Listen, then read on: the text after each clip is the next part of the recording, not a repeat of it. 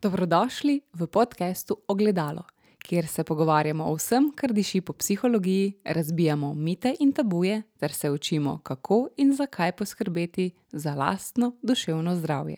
Z vami sem psihologinja Špela Kresnik.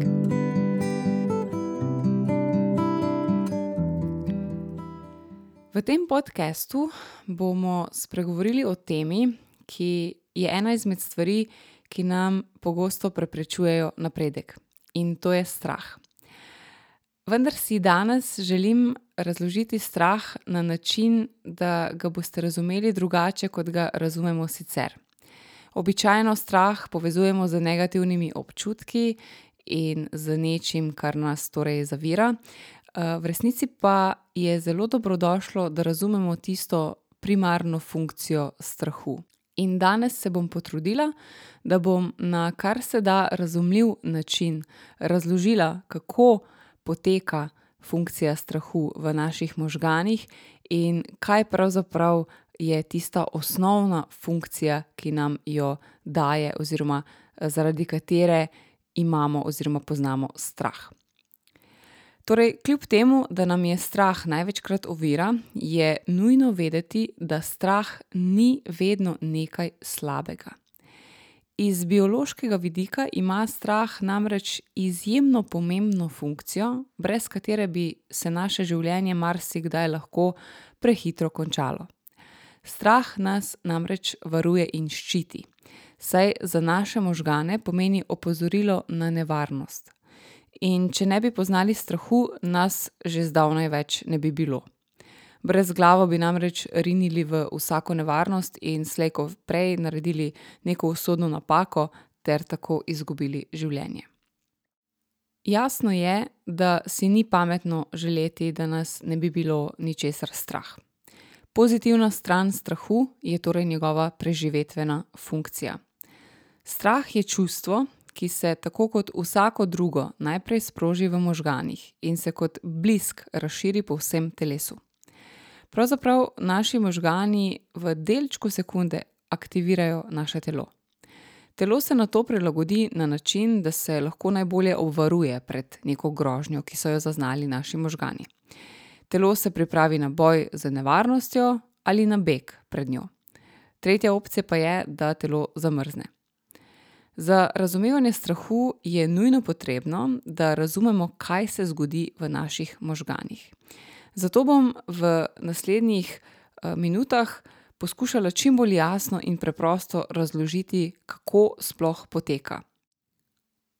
V možganih imamo tako imenovani center za strah, ki ga imenujemo amigdala. Amigdala je majhen delček možganov v obliki mandlja in je hkrati tudi center za vsa čustva. A o tem bom povedala več morda kdaj drugič ob kakšni drugi priložnosti. Za za zdaj je pomembno, da veste le to. Amigdali bi lahko rekli, če poenostavljeno povemo, da je poglavar čustev, in ko amigdala zazna neko nevarnost, možganom ukaže strah in jim sporoči, ali naj telo pripravijo na boj ali beg. Ker pa je amigdala izjemno trmast poglavar, nikoli ne razmišlja o tem, ali je nevarnost resnična ali ne. V resnici je to niti ne zanima. Zato ji pri tem priskočita na pomoč njena tesna prijatelja, pod narekovaji, ki slišita na ime hipokampus in prefrontalni korteks. Ta dva dela v možganih sta odgovorna za to, da določita, ali amigdala pretirava ali ne. Torej povedano drugače, odločita, ali je nevarnost resnična ali ne. In na primer, če vidimo leva v divjini, se lahko takoj ustrašimo za svoje življenje, nas preplavi občutek strahu in se ustrezno odzovemo. Če pa tega istega leva vidimo na sliki, bomo morda mnenja, da je prav srčkan, in zagotovo ne bomo začeli bežati pred sliko. Ko torej hipokampus in prefrontalni korteks prepoznata, da ni razloga za realen strah, torej da je strah nerealen, da nam v resnici se ne bo zgodilo nič hudega, Nemudoma sporočita amigdali preko signalov, da je panika odveč in ukažeta možganom, naj telo, um, vkolikor so ga že aktivirali za strah, vrnejo v neutralno stanje. Zdaj govorim res zelo posplošeno in v nekih uh, prispodobah na nek način, zato ker si želim, da boste uh, vse to lažje razumeli, ker v resnici je vse skupaj nekoliko bolj kompleksno, ampak. Za osnovno razumevanje, kako vse to poteka v možganih, bi uh, ta razlaga uh, morala biti dovolj. Če pa vas seveda zanima kaj več, pa vas vedno spodbujam k temu, da raziščete te tematike, da se poglobite vanje in um, tako izveste več. In v resnici meni osebno so možgani uh, ena tako zelo, zelo zanimiva zadeva, uh, ker je še na tem področju toliko neraziskanega, hkrati pa so tako fascinantni in tako zelo sposobni. In vsi ti procesi, o katerih govorim in razlagam, se namreč odvijajo tako zelo hitro, da se jih na zavestni ravni mi sploh ne zavedamo. Ker če bi se vsega tega zavedali, bi logično bilo to vse skupaj že prepočasi in se ne bi ustrezno odzivali na neke uh, grožnje, ki bi bile realne. Iz vsega tega bi lahko torej poenostavljeno rekli, da imamo na eni strani možgane, ki razmišljajo, in na drugi strani čustvene možgane. Ko možgani, ki razmišljajo, dajo čustvenim možganom signal, da je situacija varna in da ni razloga za nobeno paniko, lahko zelo hitro umirimo odziv strahu. In zopet potem dobimo občutek, da imamo stvari pod kontrolo. Ko pa se razmišljujoči in čustveni možgani strinjajo, da je situacija nevarna, naprimer, da nas v neki temni ulici, um, da res opazimo, da nas nekdo zasleduje, nek neznanec, potem je zagotovo beg zelo primeren odziv. Morda se zdaj na tem mestu sprašujete, zakaj se zgodi, da nas je česa še vedno strah, kljub temu, da zavestno vemo, da nevarnost ni resnična ali da nam ni da, da ni ogrožajoča za nas. To pa je zato, ker smo se tekom življenja določenih strahov naučili. Vsi se rodimo namreč samo z dvema strahovoma. To sta strah pred glasnim pokom in strah pred padcem v globino. Skozi razvoj in kasneje skozi izkušnje pa pogojimo še druge strahove, ki so pogosto zelo nerealni in nam lahko zelo komplicirajo oziroma otežujejo življenje. In da zadevo še bolj zakompliciram, naj vam povem, da obstaja možnost, da se na zavestni ravni sploh ne zavedamo, odkot je ta določen strah, ki ga imamo.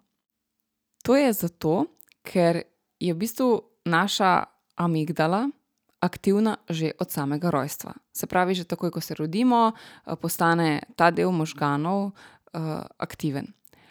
Njena preomenjena prijatelja, pod narekovaji, pa se razvijata šele okoli dve leti po rojstvu. In kljub temu, da tistih dveh, a ne prej eh, omenjenih prijateljev, se pravi prefrontalnega korteksa in hipokampusa, še ni razvitega, kljub temu amigdala shranjuje vse čustvene spomine, ki smo se jih kadarkoli naučili, oziroma ki smo jih kadarkoli občutili. To so telesni spomini. In tudi tukaj so tisti neprijetni eh, spomini. Ne? Vse to se shrani, zapiše v naše telo.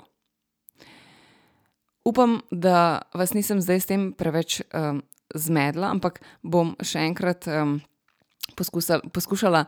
Uh, bolj jasno razložiti. Amigdala, kot smo že prej rekli, ne razmišlja in dela paniko za vsako ceno. Torej, ona možganom vse čas ukazuje, naj se odzovejo s strahom, ne glede na to, ali je nevarnost resnična ali ne. In ker takrat, ko se tisti hipokampus in prefrontalni korteks še ne razvijeta, ni nikogar, ki bi amigdali pod narekovaj povedal oziroma sporočil, da ni čas za pretiravanje, ker nevarnost ni resnična, se telo odzove po navodilih amigdale. In ta neprijetni odziv, torej to, kako se je telo odzvalo, se shrani kot čustveni in telesni spomin. Ne shrani pa se vzrok oziroma spomin na situacijo, zaradi katere se je amigdala tako odzvala. Ker še ne tvorimo tega, te vrste spomina, da bi lahko tvorili spomin na situacijo, spravi na sam dogodek, ob katerem se je ta telesni občutek zgodil. In še ena stvar, ki je zelo pomembna. Um, nujno si zapomnite tole. Ne delajte se norcev iz prijateljev ali kogarkoli, če jih je strah nečesa, česar vas ni. Zakaj? Zato, ker smo si v doživljanju strahu zelo različni in obstajajo velike razlike med nami glede tega, česa nas je strah in v čem uživamo. Če recimo vi uživate v vožnji z vlakom smrti, še ne pomeni, da v tem uživa vaš prijatelj. In zato ni boječka, ker pogum ni nasprotje strahu. Prav tako je zelo neumno nekoga za vsako ceno siliti, da uživa v istih adrenalinskih aktivnostih kot vi, sploh takrat, kadar se jih zares boji. V tem primeru lahko naredite več škode kot koristi. Zapomnite si torej, vkolikor se nekdo, ki ga je nečesa strah, ne želi soočiti s tem strahom, potem ni nobenega smisla in niti potrebe po tem, da se ga v to sili ne glede na to, ali je ta strah nekaj, kar ga ovira v vsakdanjem življenju ali ne. Eno je, da ga spodbujate, vkolikor vidite, da ta strah resno ogroža oziroma ovira um, prijateljevo funkcioniranje vsakodnevno. Potem je dobro, da ga morda samo spodbujate v tej smeri, da se s tem začne soočati, da si poišče pomoč. V nasprotnem primeru pa, če je nekoga recimo strah pajkov, ali kač in nima nobene potrebe po tem, da bi se kadarkoli s tem strahom soočil. Na drugi strani ga ta strah v bistvu ne uvira v vsakodnevnem funkcioniranju, torej to ni nek strah, eh, kot recimo tisti strah, kjer nas je strah uh, voziti avto. Um, potem pač lahko mirne duše to spregledamo. Če bo kdaj pripravljen, se lahko s tem sooči, če ne bo, tudi ok. Ker kot sem že povedala, nimamo istih strahov in zato vedno na začetku pomislite, kako bi se počutili vi, če bi vas nekdo silil v nekaj, kar vam je skrajno neprijetno in z, z, v to, s čimer se v bistvu vi ne želite soočati. Gre torej preprosto za to, da različno doživljamo situacije in se na nje različno odzivamo. In tako je tudi prav. Problem torej nastane samo takrat, kadar je strah tako velik, da preraste v fobijo ali v druge oblike anksioznih motenj in kot tak ovira normalno funkcioniranje. Takrat pa je dobro, da razmislimo ali spodbudimo prijatelja, kot sem že prej omenila, da poišče strokovno pomoč ali pa jo poiščemo mi, če gre za nas. Torej, če za zaključek povzamem, strah je nekaj, kar je v našem življenju lahko zelo koristno. In z njim se je potrebno soočati takrat, kadar si želimo skakati iz cone obdobja in morda malo širiti svojo uh, svojo to cono obdobja in malo rast, ampak je zelo pomembno, da to počnemo v nekem vseeno za nas dovolj varnem okolju, da se počutimo udobno. Kadar pa je strah tako velik, da nas uh, v življenju resno ovira, takrat je zelo dobrodošlo, da si poiščete strokovno pomoč. Preden zares zaključim s to epizodo, pa bi rada samo še naredila eno tako naznanilo. Um, sprejela sem eno odločitev in sicer to, da podcastov ne bom več objavljala vsako nedeljo. To je preprosto iz razloga, ker teden za me resnično mine prehitro.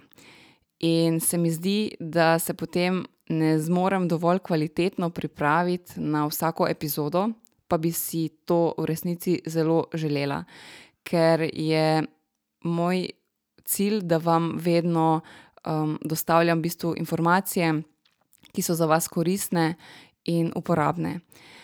In zato, da bom lahko delala še bolj kakovostne podcaste, da se bom zares lahko poglobila v tematike, sem se odločila, da bodo podcasti od danes naprej objavljeni na vsakih štirinajst dni, torej vsako drugo nedeljo od danes naprej. poleg tega, naznanila imam še eno stvar, ki pa je v bistvu malo bolj sicer zares promocijske narave, ampak se mi zdi zelo vredna omembe. želela bi si omeniti en projekt, pri katerem sodelujem, in če me spremljate na socialnih omrežjih, potem, že zelo dobro veste, za kaj gre oziroma o čem, bom govorila. Če pa še ne, pa je to ena taka priložnost, da vam zdaj predstavim, ta čudovit projekt, h kateremu sem se priključila, in, časa imate še vedno dovolj, da se mu priključite tudi vi. In to je Dežela športa in zdravja.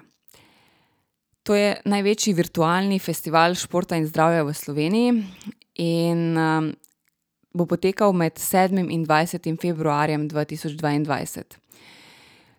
Cilj tega festivala je, da Slovenijo ponovno športno aktiviramo in podpremo pretok znanja na področju prehrane in mentalnega zdravja. Pri čemer sodelujem tudi jaz.